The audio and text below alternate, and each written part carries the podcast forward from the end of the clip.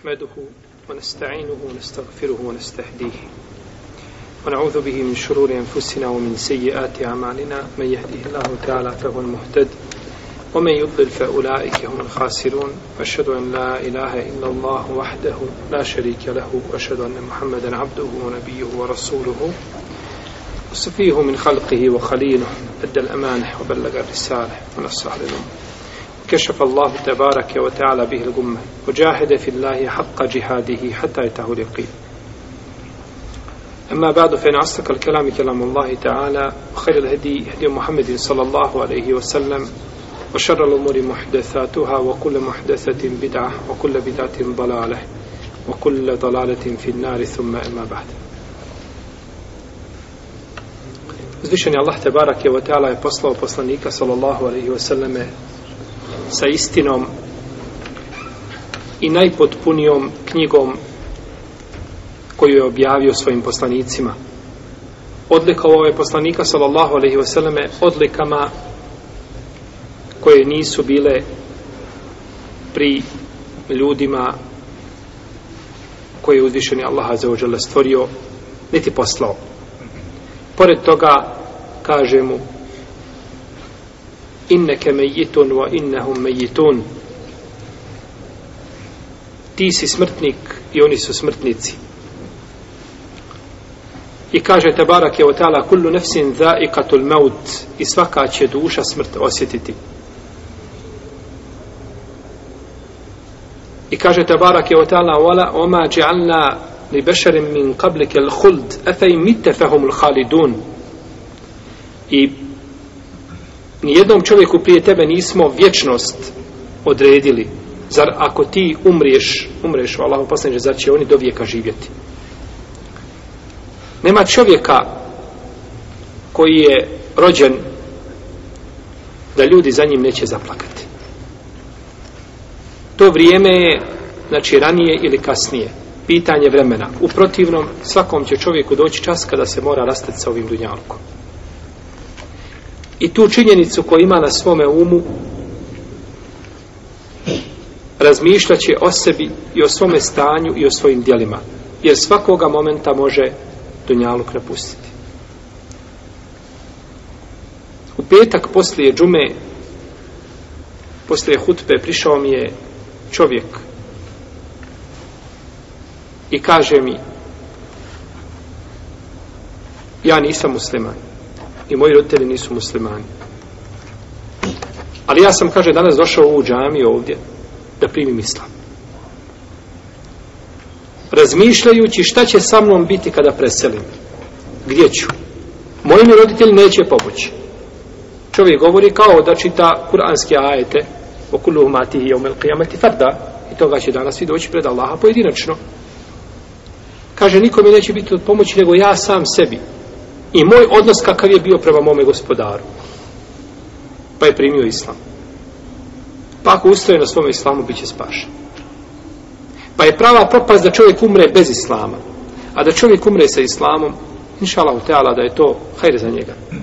Riješio se ovo dunjalučkih tegoba i otišao ka milosti svoga gospodara u kabur čekajući najveću milost na sudnjem danu da uđe u džennet.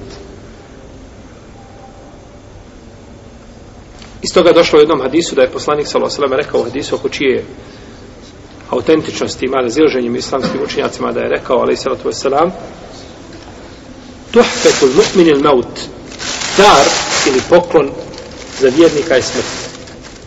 To je pravi poklon znači za vjernika smrt. Smrt onome koji ima dobra djela i koji istinski vjerovao u svoga stvoritelja za vođa.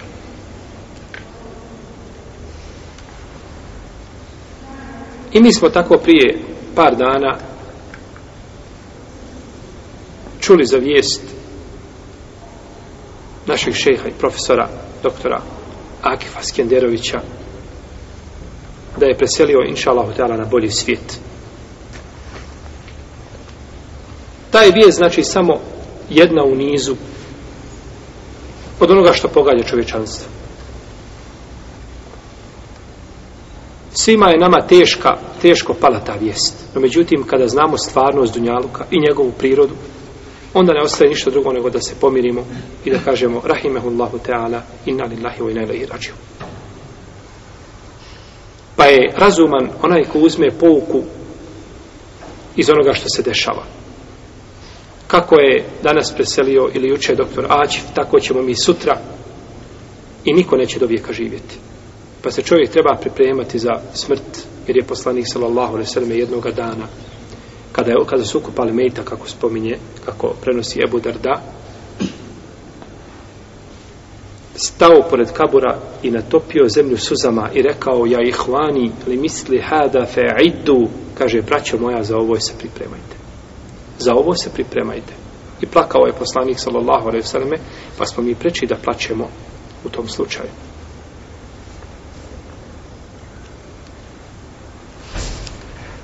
Pa čovjek treba imati znači na umu da će doći moment kada će se rastati sa ovim svijetom i da treba razmišljati šta će sa sobom ponijeti. Očekujemo, inša Allah, da je doktor Akif ponio sa sobom hrpu dobrih dijela, da od njegovih dobrih dijela nije bilo ništa nego što je izvodio generacije i generacije ljudi koji su danas imami po džamijama i koji ljudima govore o islamu, to bi mu bilo dovoljno.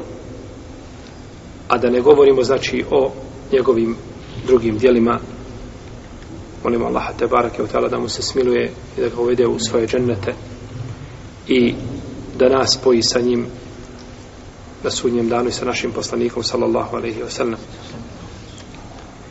Mi smo u našem zadnjem druženju govorili o propisima vezanim za tavafu. Pa smo spomenuli prvi šart ili uvjet, odnosno stvar oko koje se olema razilazi pa po džumhuru u leme to je uvjet, a to je taharet. Pa smo kazali da nema jasnog argumenta koji bi obavezao na taharet, iako je to stav većine islamskih učenjaka. Drugi uvjet jeste da se pokrije stidno mjesto. Nije dozvoljeno nikome ko tavafi da tavafi otkrivenog stidnog mjesta. Ako bude tako tavafio, njegov tavaf neće biti priznat kod džumhura islamskih učenjaka. Neće mu biti validan. Uzvišen je Allah Tebarak i Oteala kaže Ja beni Ademe hudhu zinetekom inde kulli mesrid O sinovi Ademovi, lijepo se obucite kada u džamiju pođete. I došlo je u hadisu Ebu Hurere da mu je naredio Ebu Bekar radijallahu ta'ala anhu a prije oprosnog hađa kada je poslao znači Ebu Bekra kao vođu te skupine da oglasi posle ove godine hađ ne može obavljati mušrik i ne može tavafiti niko oko Keabe bez odjeće. Kažu hanefijski učenjaci da je pokrivanje stidnog mjesta vađib, a da nije šart i uvjet ispravnosti. Ko bi tavafio bez odjeće kod džumhura u leme, njegov tavaf bi bio batel. A kod hanefijski učenjaka morao bi se iskupiti, morao bi znači zaklati ovcu. Treći uvjet jeste da tavafi oko Keabe. Da tavafi oko Keabe, da ne prolazi kroz Keabu. Pa kada bi prošao između Keabe i onoga polukružnog zida, koga kažu Hidžer Ismail, jel, njegov tavaf bi bio neispravan. Odnosno, taj krug bi bio neispravan. Bio bi batel. Jer je El Hidžru min El Bejt, taj kamen je sastavni dio kuće, odnosno Kaabe, kako je rekao poslanik sallallahu alejhi ve selleme. No međutim Kurešije ga nisu završile zato što nisu imala dovoljno halal obskrbe, odnosno nisu imali halal imetka da dovrše, pa je ostao znači a u onom obliku kako jeste. Samo su stavili znači jedan zid da se zna da je to sastavni dio Kaabe, a Kaaba s te strane, ove iračke i šamske, znači sjeverne, nema nikako uglova, nego je polukružna. A dva su ugla samo s druge strane. Pa su ugla s druge strane. Pa kada bi čovjek prošao između Kjabe i Hidžu Ismaila, kao da je prošao kroz Kjabu. Kao da je prošao kroz Kjabu i to ne bi bilo validno. Hanefijski učenjaci kažu, ako bi prošao kroz, morao bi ponoviti, ako je u Meki, u protivnom bi morao poslati žrtvu da se zakolje odnosno da se zakolje ali kurban u Meki. Ispravno je mišljenje džumhura u Leme da je to sastavni dio Kaabe i da nije dozvoljeno tavafiti kroz Kaabu, nego se mora proći okolo Kaabe. Peti, četvrti i peti uvjet jeste da počne tavaf od crnog kamena i da završi kod crnog kamena to je četvrti i peti da učini Kaabu sa njegove koje strane? Lijeve strane. Da učini Kaabu sa njegove lijeve strane. Znači da počne od kamena i završi kod njega četvrti i da učini Kaabu sa lijeve strane. Jer došlo od Isu Džabira da je poslanik sallallahu sallam kada je talafio da je tavafio oko Kaabe na takav način kako došlo je u hadisu, podužen u hadisu Džabira. I uzvišeni Allah kaže Or je tawafu bil bejtel atiq I neka obiđu oko stare kuće Kukjabe A poslanik je sa osrem pojasnio Kako izgleda taj obilazak Pa je taj obilazak od njegove stvarnosti Pa kada bi čovjek išao suprotno Tavafio ne bi mu to bilo vali Men amile Men amile Amelen lejse alehi emruna Fehu rad Fehu rad ko uradi nešto što nije od naše upute, to se vraća, ne prihvata se. I kaže poslanik sa osanem u hadisu Ajše, koga bilježi muslim, men ahde se fi emlina hada ma lejse minhu fehu arad. Ko u vjeru uvede nešto u našu stvar koja nije od nje, to se ne prihvata, to se odbacuje. Šesti uvjet jeste da tavafi punih sedam krugova. Da tavafi punih sedam krugova. Znači, ako tavaf je manje jedan korak da bi mu falio da uđe u sedmi, da završi sedmi krug, do crnog kamena ne bi mu bilo validno. Ne bi mu bilo validno. I to je stav džumhura u leme.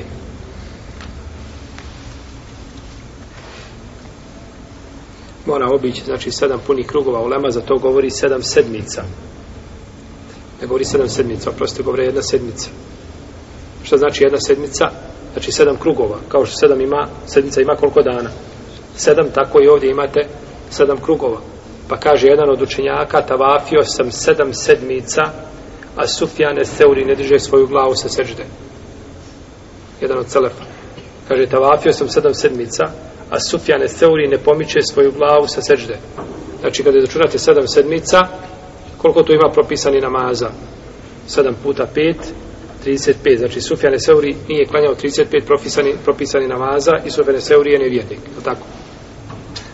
mi kad bismo čitali tako, tavafio sedam sedmica, Sufjane Seuri ne diže glavu sa sežde, kazali smo bolja je biti na sežde nego klanjati propisane namaze.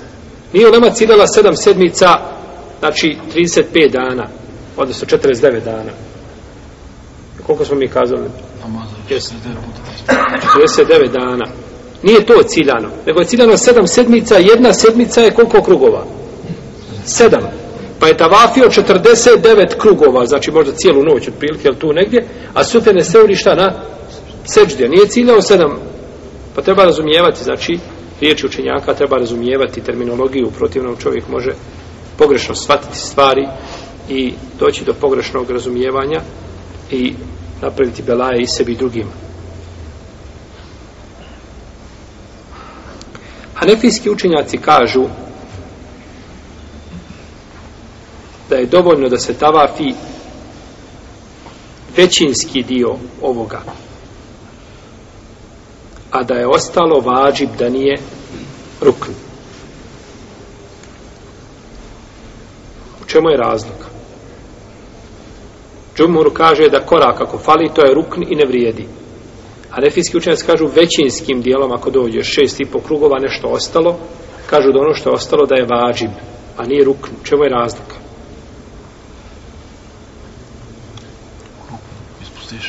ispravan tavaf? Grije, jedna je grije, druga je ispravna. Tavaf je ispravan i mora samo da se iskupi. E, bravo. Tavaf je ispravan, ali bi on morao da iskupi za to što je ostalo od vađiba. Kao što ti u vađibu namazu potpuniš sehvi srđom. Ne moraš klat kurban, ako ostaviš nešto od namaze, ili tako? Nego, sehvi srđom. To ti je na, na, na, popravljaš grešku, vađib koji izostaviš na hađu, kurbanom. Pa, izostala je, znači, izostalo nešto što je vađib, onda se to popravi to je stav hanefijski učenjaka. Rahimehumullahu ta'ala. No međutim, ispravno je ono što je rekao Džumur Uleme. Zato što kakvoća i količina ibadeta ne mjere se ičtihadom, nego se mjere argumentom. A poslanik sa osreme je talafio sedam krugova i nikada nije zabilježeno da je talafio manje od toga.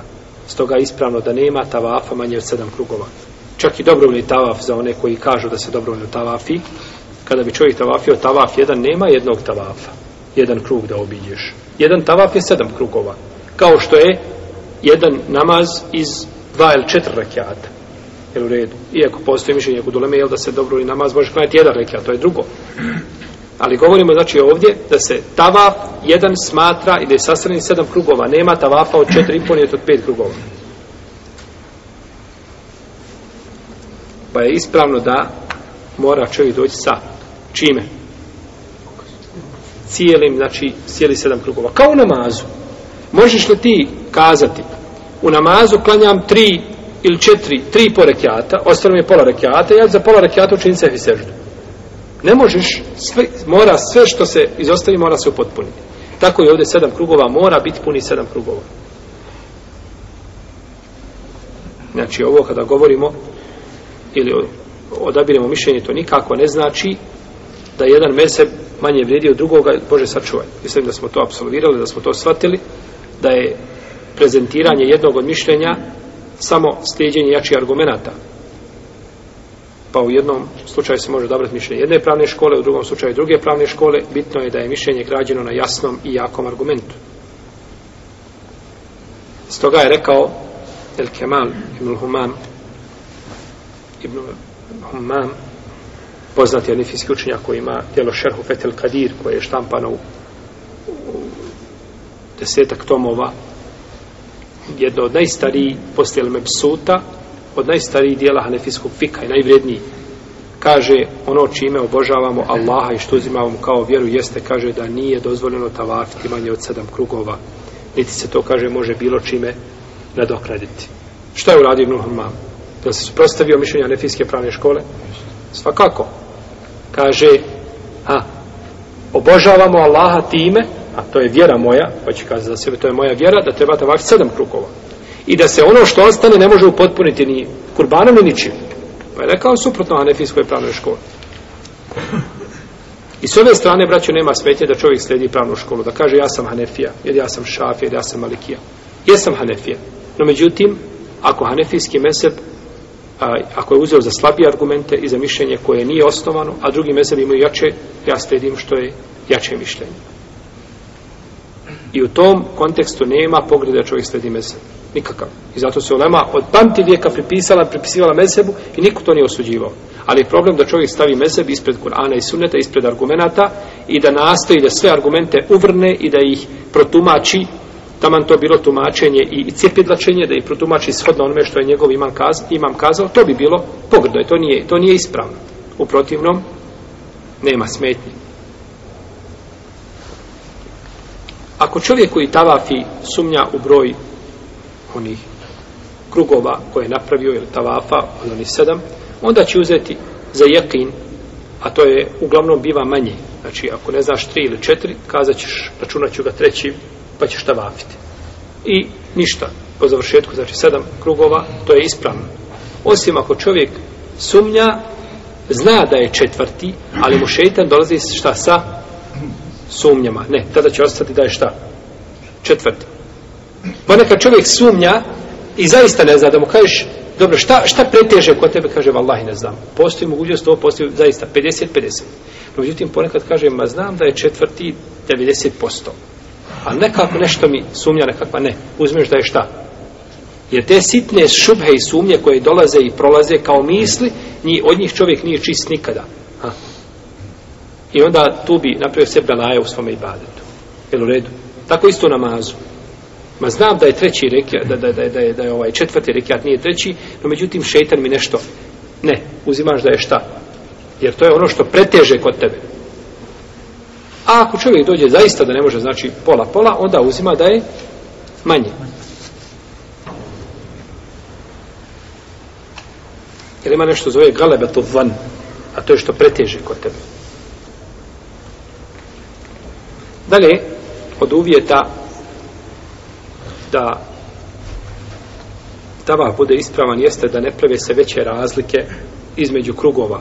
Da previš jedan krug pa sjedneš sahat vremena pa napraviš još jedan pa sedneš posahata. Ne, nego da budu krugovi povezani, sedam da bude u jednom dijelu, znači. To je šart kod Malikija i kod Hambelija. Dok šafije kažu da je vađib. A Hanefije i šafije po drugom mišljenju kažu da je sunnata. ne znam da postoji jasan argument, osim postupak poslanika sa osvrame koji je pojasnio kako se tavafi. U svakom slučaju preće i bolje praviti da pravite razne prekide. Osim ako je čovjek taj prekid da je, na primjer, dode da promijeni abdest kod onoga ko smatra da je abdest šta? Šart, je li tako? Pa čovjek izgubi abdest i kaže, ne, ali ja se držim mišljenja džumura u Leme, ja moram imati abdest kad tavafim i ode da promijeni, to ne smeta, tamo se i zabovio. Ili čovjek se umorio pa malo sjedne da odmori, ili da se napije vode i sliče o tome, ne smeta. Inša Allah, u tom slučaju neće smetiti ovaj. No, međutim, ko bi sjeo, a, bez, šta, šta je, tavafi i nekoga nazvao na telefon. I on priča. To se često dešava, jel? Priča, žena ostala u hotelu, nazvala ga.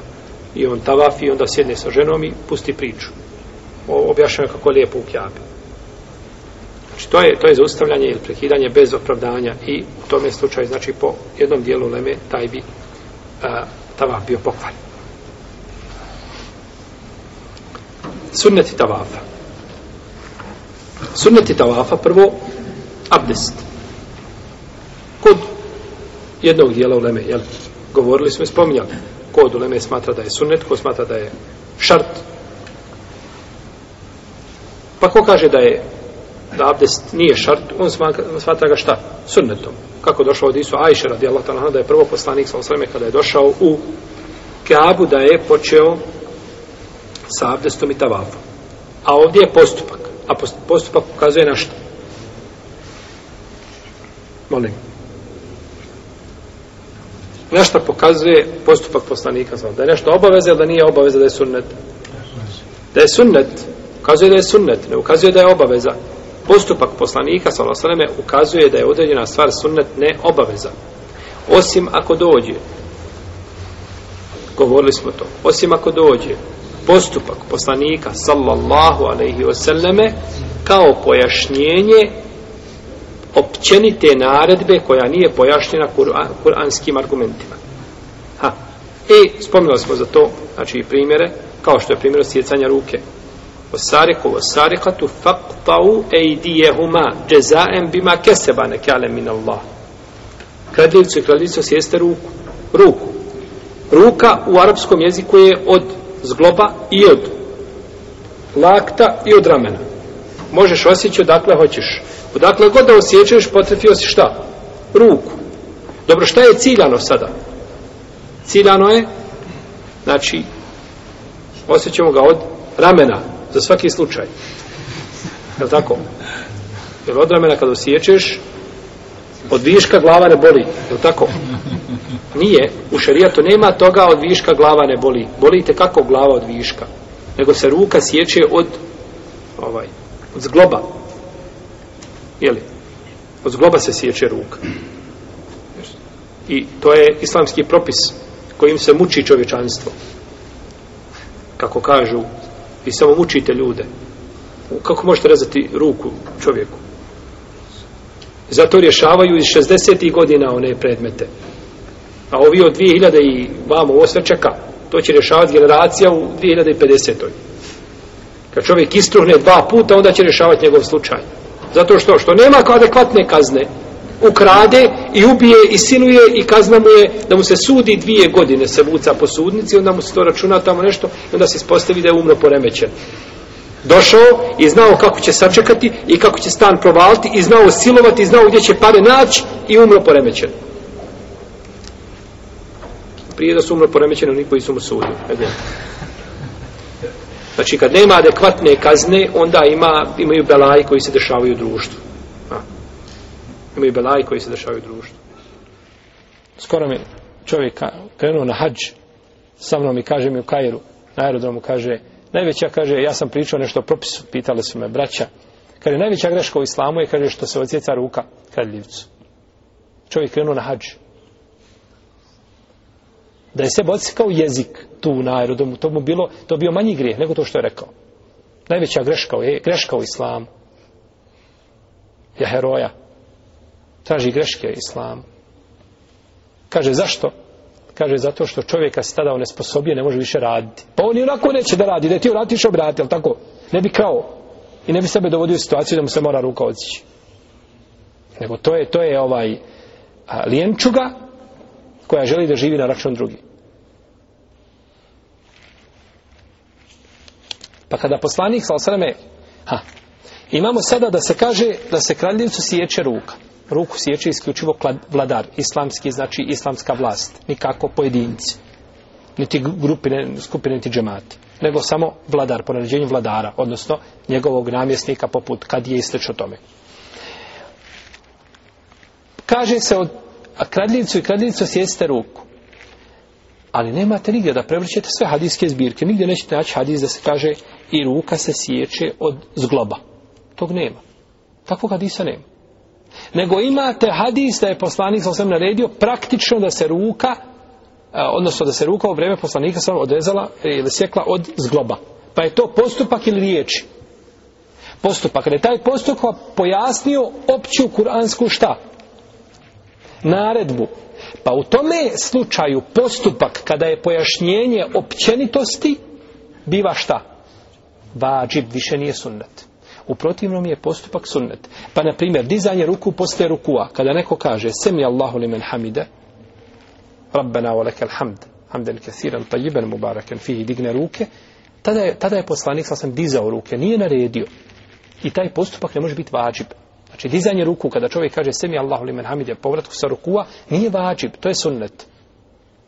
Kod jednog dijela uleme, jedni kažu da nije ni sunnet, nije bitno uzmimo tamo od uleme koja kaže da je to sunnet. Zašto kažu da je sunnet? Zato što je to poslanik sa svem radio, a nije naredio da se to šta radi. Pa je došlo kao postupak, a nije došlo kao dijelo. Došlo je kao postupak, u stvari nije došlo kao riječ, kao naredba. Pa se tu razlikuje, znači, naredba od dijela. I riječi poslanika sa osam su jače u šarijetu od postupak kada bi došlo da se kada bi došlo da se kose riječi i djela tada se uzmeju u obzir riječi a ne djela u smislu kada se ne može šta pomiriti niti se na bilo koji način mogu uskladiti značenja tada bi djela odnosno riječi imala jače značenje i dala bi se prednost riječima nad djelom no međutim nema kontradiktornosti između poslanika i salosaleme riječi i djela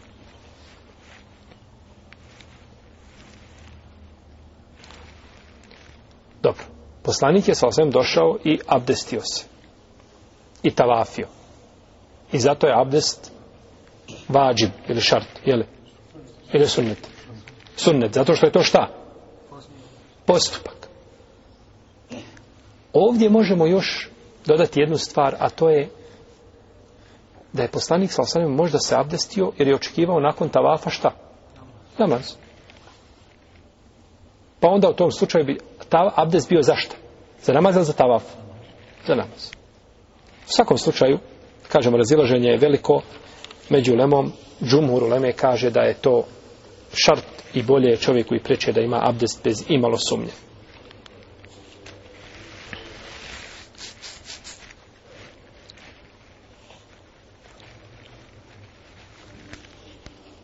Nema znači dvojbe da je čovjeku bolje da tavafi sa abdestom, zato što je e, tavaf je znači vid ibadeta Allahu vid zikra i čovjek koji bolje sve što radi od, od ibadeta da radi pod abdestom zikr je bolji pod abdestom nego zikr bez abdesta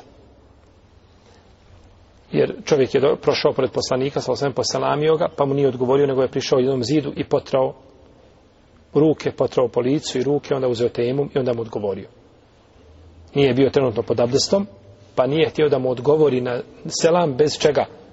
Bez abdesta, pa je čovjek uvijek lijepo, čovjek uvijek lijepo da ima abdest našto prije spavanja. Tako bilježi imame Budavud u svome sunenu sa dobrim lancem prenosilac. Drugi sunet jeste Elibtiba. Elibtiba je da muhrim uzme svoj ihram i da ga provuče ispod desnog ramena. Tako da mu desno rame biva šta? Otkriveno i prebaci taj kraj preko lijevog ramena. Tako mu znači desno, desno rame kompletno biva otkriveno, a ihram je ispod ramena i prebaci ga na lijevu stranu. To se zove elitiva.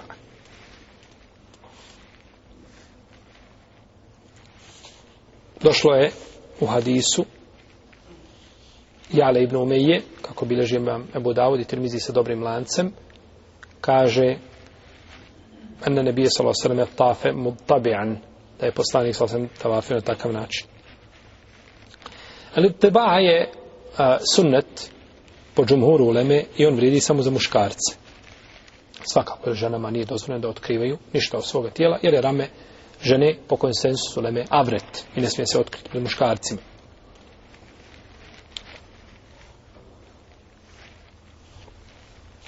I ovaj teba vrijedi za svaki tavaf posle koga ima šta? Saj. To kod jednog dijela islamskih učenjaka.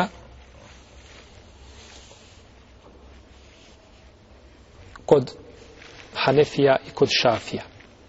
Dok kod Hanbelija samo za dolazni onaj tavaf prvi koji se čini.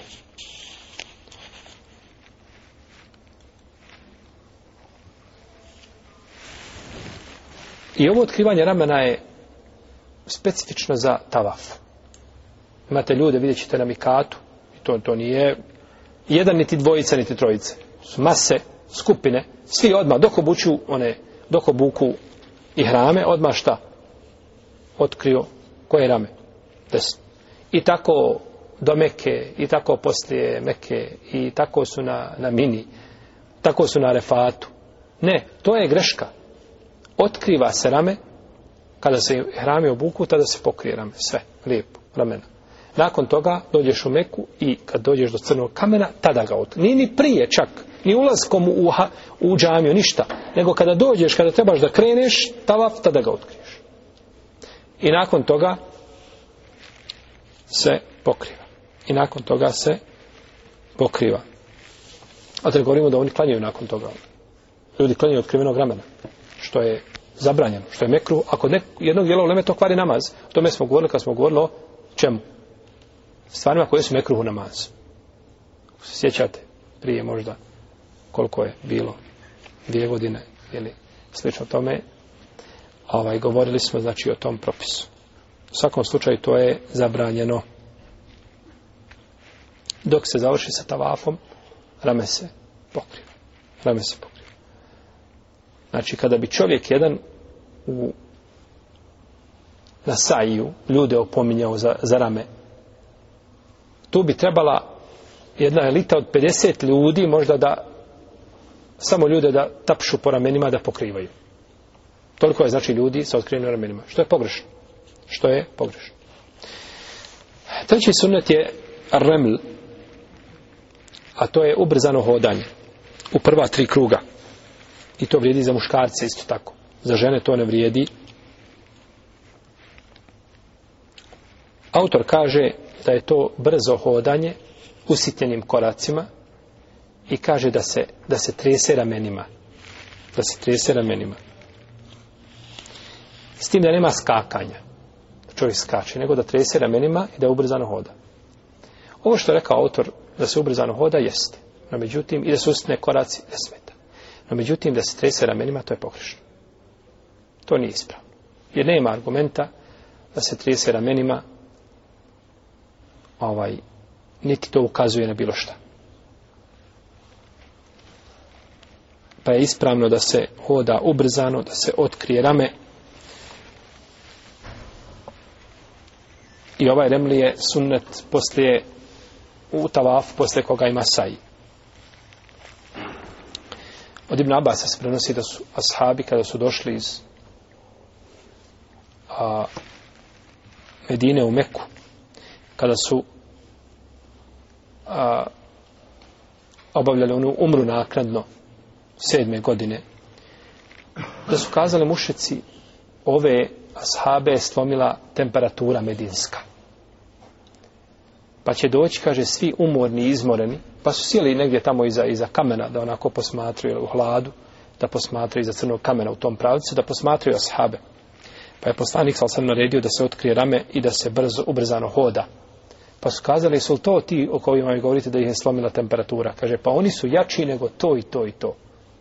Kada su ih vidjeli kako hodaju žustro, ubrzano i kako su otkrili svoja ramena pokazujući ili snagu, kaže, kažu to su ovaj nije stvar onako kao što smo pretpostavljali. I tako je činio poslanik sa osvenom oprosnom hađu, jel? Kako je došlo od Isu Džabira, prva tri kruga je hodao ubrzano, a ostala, ostala četiri običnim hodom. Što se tiče ovaj teba, otkrivanja ramena, to je za svi sedam krugova. Ha, otkriva se rame svi sedam krugova. A ubrzano se hoda samo tri kruga. To je razlika između teba i remla. Kod teba otkrivanja ramena je sedam krugova, a kod remla obrzanog hodanja je samo prva tri kruga. I tako je došlo isto u Adisu Ibnu Omara da je poslanik sa osana prva tri kruga hodao ubrzano. Dobro, poslanik je to sallallahu alaihi sallam činio radi mušrika da im pokaže snagu.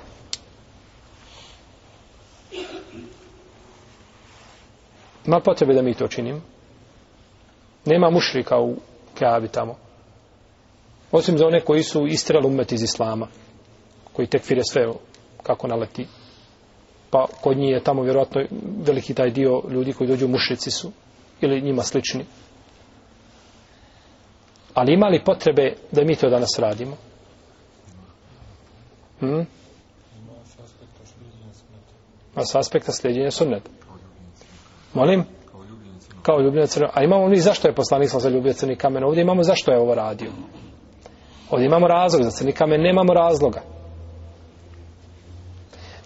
Omar radi Allah, on je htio da ostavi znači, ovaj postupak. Da ga napusti. Kako je došlo kod Buhari kod muslima. Pa je rekao, što ćemo to raditi? To je bilo, jeli? Pa je onda rekao, subhanallah, je sunnet koga je radio poslanik, sa osvijem nećemo ga nikada ostaviti. Pa je nakon toga ume došao i svi su znači prihvatili taj sunne da se radi da se radi po njemu, pa je to konsensus učenjaka na tome postupku. Čovjek išao privat prva tri kruga i uđe u četvrti sjeti se kaže subhanallah pa nisam otkrio rame. Šta ću raditi? Otkriti rame. Ništa više. Dovoljno. A kaže nisam ni hodao ubrzano. Hoće li hodati druga tri kruga ubrzano? Neće. Jer mu je bio sunnet da hoda u prva tri kruga. Prošao ga je taj sunnet? Ne. Jer tada bi, u tom slučaju kada bi hodaju, učinio bi bidat. Pa bi s jedne strane propustao sunnet i zaborava. Dobro, to nije bitno, jeli, nije, nije sporno. Zaboravio se, nije, nije to sporno. Ali bi učinio šta? Bidat, jer hodanje treći, četvrti ili peti krug ili šesti ovaj ubrzanim korakom nije od sunneta, jel tako? Pa neće znači nadomjestiti ono što je propustao i zaborava u ostalim krugovima ako se sjeti u trećem krugu, nastavit će odatle šta? Žurno da hoda. Ovo je danas možda više teoretski nego praktično. Našto na hađu. I u Ramazanu isto je teško. Možda mimo toga na umri i može se. Ali, ali ovaj, na hađu je jako teško znači hodati ubrzanim korakom jer su velike gužve i ponekad masa ti određuje kako ćeš hodati, a ne ti sam. Tako tamo gdje može čovjek malo produžiti, kad se prođe našto iza crnog kamena i Mekamu Ibrahim kada se prođe, iza Hidžu Ismaila kada se prođe, do onoga e, jemenskog ugla, taj tu dio je uglavnom bude malo slobodniji. E tu da se može znači malo brže pružiti korak jeli, ili, ili usitni korak da se brže hoda. Ako može, hajdi bereket, ako ne može, neće to čovjek raditi da bi, da bi ometao druge, niće na mjestu skakati. Ha. Ne, nego hodat će znači onda normalnim korakom. Ovo ubrzano hodanje nije za, nije za žene, po većini uleme, čak neka ulema prenosi konsensus po tome pitanju. Znači, žene neće, jer ženi njena priroda, znači, ne dozvoljava, kao što neće tamo na saju, vidjet ćemo, kada bude ono ubrzano hodanje, znači, gdje, gdje je ubrzano hodanje, znači, ovaj vidjet ćemo znači kakav je propis je isti znači jer žena tim ubrzanim hodanjem ili trčanjem je li privlači pozornost ovaj muškaraca što nije cilj šerijata Ajša radijallahu ta'ala je govorila o skupinu žena, kaže vi nemate kaže nećete činiti remlu, već se kaže ugledajte u nas. Ugledajte se u nas. Četvrti i peti sunnet jeste doticanje crnog kamena i njegovo ljubljenje u svim krugovima. Znači, uvijek kada se prolazi pored crnog kamena. Jer je poslanik Salosaleme dotakao crni kamen kako došlo u hadisu Ibn Omara.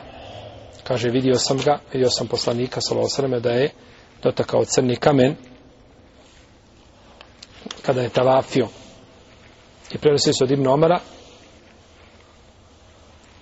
Kaže, vidio a, od Nafije da je vidio Ibn Omara da je dotakao crni kamen svojom rukom. Potom poljubio ruku i kaže, neću ovo nikada ostaviti od kako sam vidio poslanika sallallahu alejhi ve selleme da tako postupa. I Omar de Allahom je poljubio crni kamen, jeli kaže, poznato je jeli njegovo, inni la alemu anneke ente hađar, la te duru la tenfa, la ula enni rajtu ne bije sallallahu alejhi ve selleme kabilu kema kabilu. Ja znam, kaže, znaš, da si ti kamen, ne koristiš ni štetiš, džaba je što si iz dženneta. Šteta je i korist od Allaha za uđel. On je taj koji može naneti korist, ili naliti kakvu ne daću čovjeku. Ali kaže da nisam vidio poslanika, sa da te ljubi, nikada te ne bih poljubio. Ako ne može čovjek a, dotaći rukom crni kamen i ti ga poljubiti, što je isto tako na hađu, jako teško, dotaći ga čime može, ako ima pri sebi nešto, poput štapa ili nešto drugo ako ima, dotaće ga time i poljubiti ono što je dotakao. Znači da ga dotakne štapom i da poljubi štap. Esmeta tako je činio poslanik Salosaleme kako je došlo u hadisu Ibn Abbas kod Buhari i kod muslima. A ako ne može ni to, onda će dići svoju ruku i pokazati i pokazat će svojom rukom i pokazat će svojom rukom. Od Ibn Omara se prenosi a, da je dizao ruku i da je govorio Bismillah, Allahu Ekber. Šesti sunnet jeste da čovjek ako može, a, ako može da učini seždu na crni kamen. Znači da spusti svoje čelo i učini seždu na crni kamen. Došlo je od Ibn Omara, kaže, vidio sam Omara radijallahu talanhu da je poljubio crni kamen i učinio seždu na njega. Potom se, kaže, vratio i učinio isto kaže ovako sam vidio poslanika sallallahu alejhi da čini kaže šejh Albani da u svom djelu Irwaul Galil da je ova predaja dobra da ima dobar lanac prenosilaca i došlo od Ibn Abasa da je tako činio pa kaže šejh Albani u četvrtom tomu u svom djelu ome koga spomenuo e, Irwaul Galil kaže a po svemu sudeći da je potvrđeno od poslanika sallallahu da je tako činio i od Ibn Abasa da je potvrđeno znači da se čini sržda.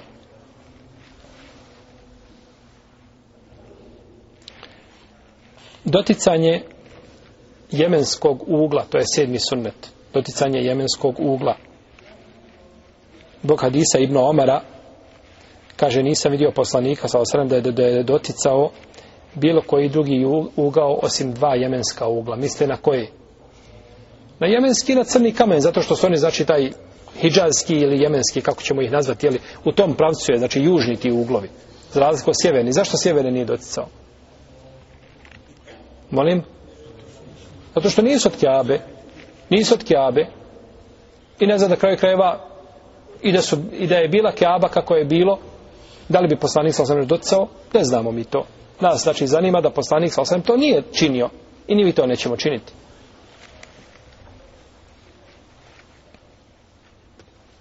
žena se neće gužvati sa muškarcima oko crnog kamena niti će ići tamo gdje ima gužve niti je ispravno čovjeku da ide sa svojom ženom da je vodi tamo najveću gužu ako može to izbjeći ponekad će biti teško izbjeći našto na dan bajnama kada svi tavafe no međutim ako postoji mogućnost dužnost je da se izbjegne gužva koliko može da se žena ne gužva sa muškarcima i da se boji Allaha azzawajal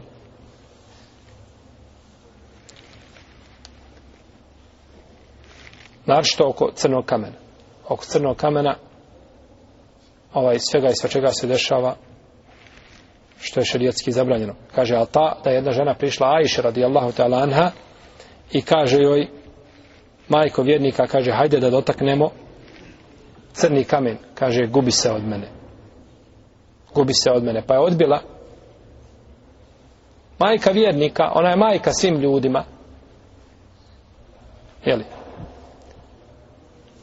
kom smislu je majka?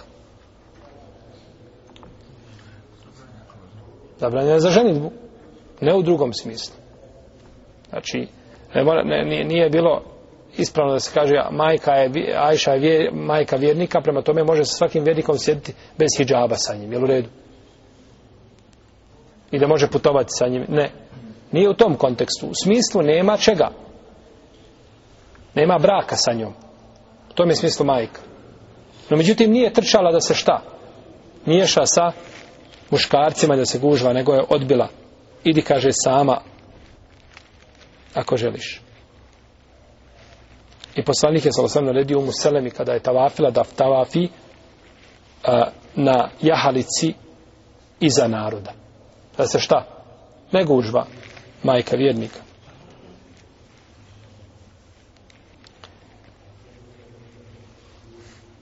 Osmi sunnet jeste da se uči dova između dva jemenska ugla. Mislimo na jemenski, dva jemenska, kada kažemo, mislimo na što? Na jemenski i na crni kamen. Ko zna, ko ima sliku kjave pred očima, puno mu je lakše prati ovo.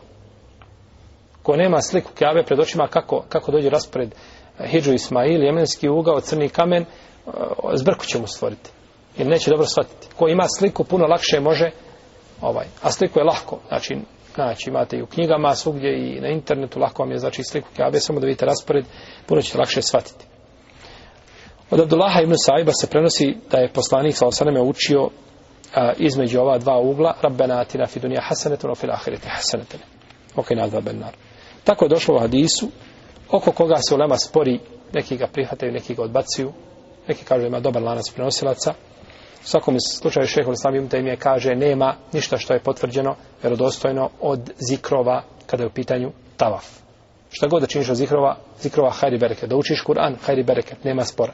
Osim kada što je poslanik sa osreme na kraju svakog tavafa između dva ugla jemenska, to jest između jemenskog i crnog kamera, završavao bi, kaže, svoje dove sa rabbenatina fidunija hasanetem.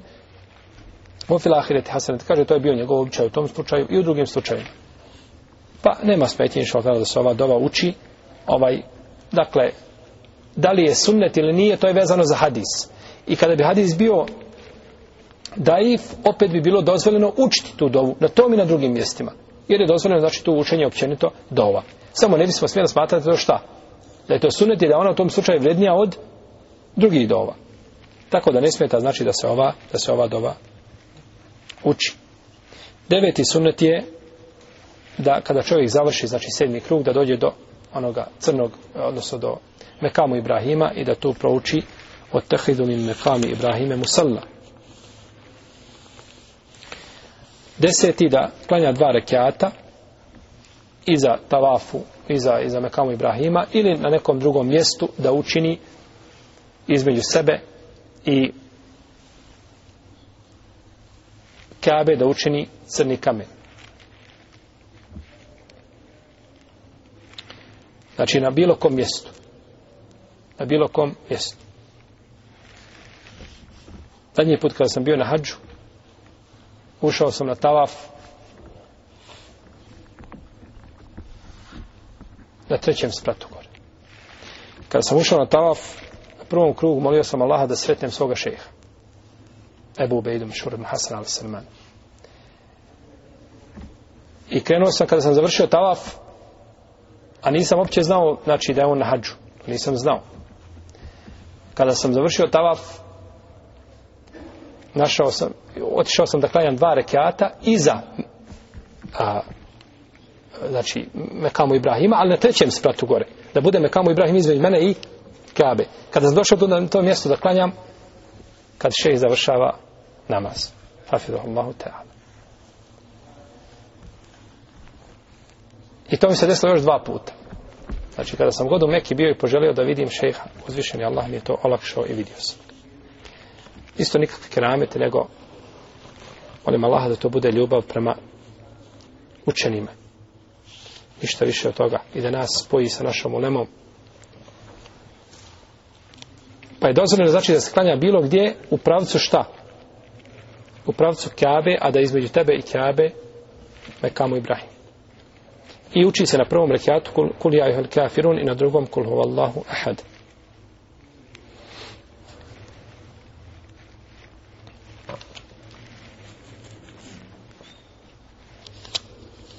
I ovaj sunnet kod džumhura u Leme. Osim što Hanefije idu i više od toga pa kažu da je vađib. Da je vađib. A neki ga tako tretiraju samo kada je u pitanju glavni tavaf. Kod Šafija i Hanbeli, ako bi klanjao farz nakon, završio sedmi krug i uči kamet. I ti staneš na farz. I klanje završio, klanjao si farz, kažu spada šta? Obaveza ova dva rekiata. Kao primjer čega? Te je to da baš tako. Uđeš u džamiju, klanjaš farz, nema više te je to Znači u ovom slučaju to poredenje.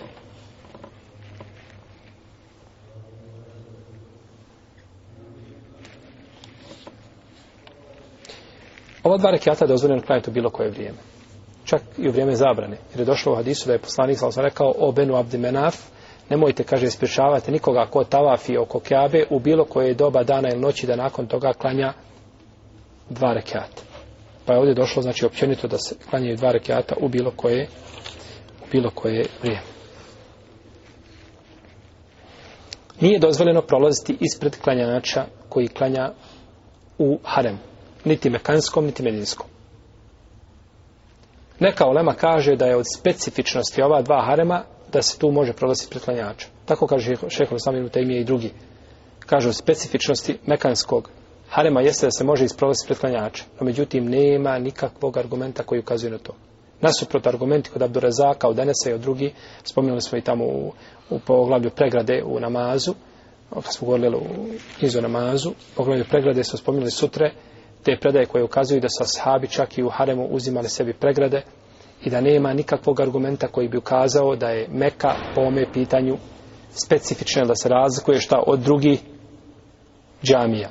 Jeste teže, jeste ovaj koje je bio jako teško će vidjeti, no međutim ovaj, ja sam slušao neke naše šejhove da kažu bio sam na hađu, ne znam ni ja šta sam puta, kaže nikada nisam prošao ispred klanjača i nikada nije prošao niko ispred mene dok sam klanjao. To kad slušate ko je bio na hađu, kazat će to je nemoguće. To je skoro pa nemoguće. No međutim, braćo, sve što čovjek hoće i kada je ustrajan u, u, u, u praktikovanju sunneta, uzvišen je Allah mu to olakša. No međutim, kada ti sam po sebi, ti ideš, ba ja ću izbjegavati ako mogu, ako ne mogu, ja ću proći, što me briga. Tada ćeš ti prolaziti preko ljanča. No međutim, ko čvrsto odluči, sve što čvrsto odlučiš radi Allaha azuđel da, da učiniš, to će ti uzvišen je Allah azuđel olakšati. To će ti uzvišen je Allah te bagi olakšati. tako da nema argumenta šta? Nema argumenta koji bi izdvojio, znači, ovaj harem u ovome slučaju a, iz općih propisa. 12. sunet jeste da se napije vode zemzem i da pospe sebi po glavi nakon što obavi tavaf i što obavi dva rekiata. Tako je činio Rasulullah sallallahu alaihi sallam kako je došlo u hadisu Džabira. 13 pitanje multezema. Šta je multezem? Jel ko od vas čuo za multezem? Šta je multezem? Niste čuo za multezem. Multezem je vraćao dio između crnog kamena i vrata Kabe. Taj prostor koji je tu mali, je prostor nije veliki. To je to se zove multezem. Da li je sunnet da se tu čovjek priljubi uz taj multezem? Došlo je u hadisu, da je tako poslanik sa na otvorenju Mekije, taj hadis je daif. I došlo je od Abdullaha ibn Amra, da je priljubio svoje tijelo, svoje lice, svoje prsa i svoje ruke. I rekao da je tako vidio poslanika sa da je činio. I to je daif. Ovo je došlo znači u dva daif hadisa da se tako čini. No međutim, mogu li se ovi hadisi pojačati? Mogu li se pojačati pa da se radi po njima? Džumur Uleme kažu da se radi i da je to sunnet. I da je to sunnet. A, da se na tom mjestu stane i došlo od Ibn Abasa da je tu dova Kabul na tom mjestu. Da je tu dova Kabul na tom mjestu. To je multezem. Jesi. Da li je dozvoljeno pričati kada čovjek tavafi? Kazali smo jeste. Ali da čovjek priča samo šta? Kajr. Znaš ako bi čovjek bio, ako ga neko nešto pita, šerijetski propisa, često dok tavafite, čovjek te uzme za ruku, dok vidi da imaš bradu i odmah te pita šerijetsko pitanje. Šta misliš o tome? Ja sam uradio tako, je li ispravno ovo, je li ispravno ono? Da mu odgovoriš ne smeta. Ili da pozoveš na dobro, ili odvratiš na zla poslanik je sa osam tavafio, kao kaže Ibn Abbas, i vidio čovjeka koji drugog zavezao ga konopcem i vodi ga. Pa je uhvatio i pretrgao taj konopac, kaže uzmi za ruku i vodi ga. Ne vodi se čovjek za konopac. Jel? Pa je pozvao na dobro i odvratio od, od zla. Salallahu alaihi wasallam. Jel? Kako je došlo? U vjerodostojnom hadisu od Ibn Abbas, koga bilježi Buharija u svome sahihu pa da se ukaže na zabranjeno i, pozo, i, i ovaj pojasni o naređeno, nema u tome nikakve smetnje. Iako ne priče čovjeku da u tavafu, znači zikri i da dovi. Dozvoljeno isto tako čovjeku da tavafi jašući. To je nekada bilo, danas više nema, jel? Tog načina tavafi se u kolicima, ko nije u stanju da jer je poslanik sa osvijem tavafio na devi. Isto je tako hodao izme Safa i Merve, pa bi se ljudi, kaže, okupili oko njega. A, okupili su oko njega i pitali su ga, sallallahu alaihi sallame,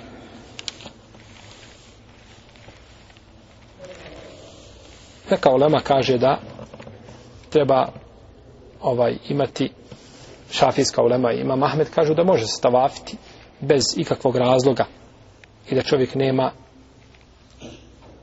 grijeha, nije, neće biti, znači, nije napravio grešku.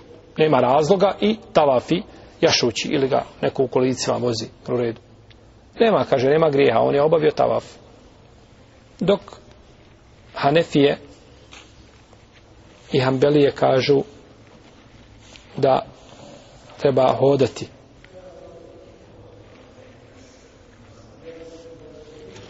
A Malikije kažu mora ako je tava fađi. U svakom slučaju, preče čovjek koji može hodati da hoda i da tavafi na lijep način da osjeti znači sobom i badet iako je autor odabrao mišljenje da ne smeta ako bi čovjek tavafio jašući ovo bi bili propisi odnosno sunneti a prije toga šartovi tavafa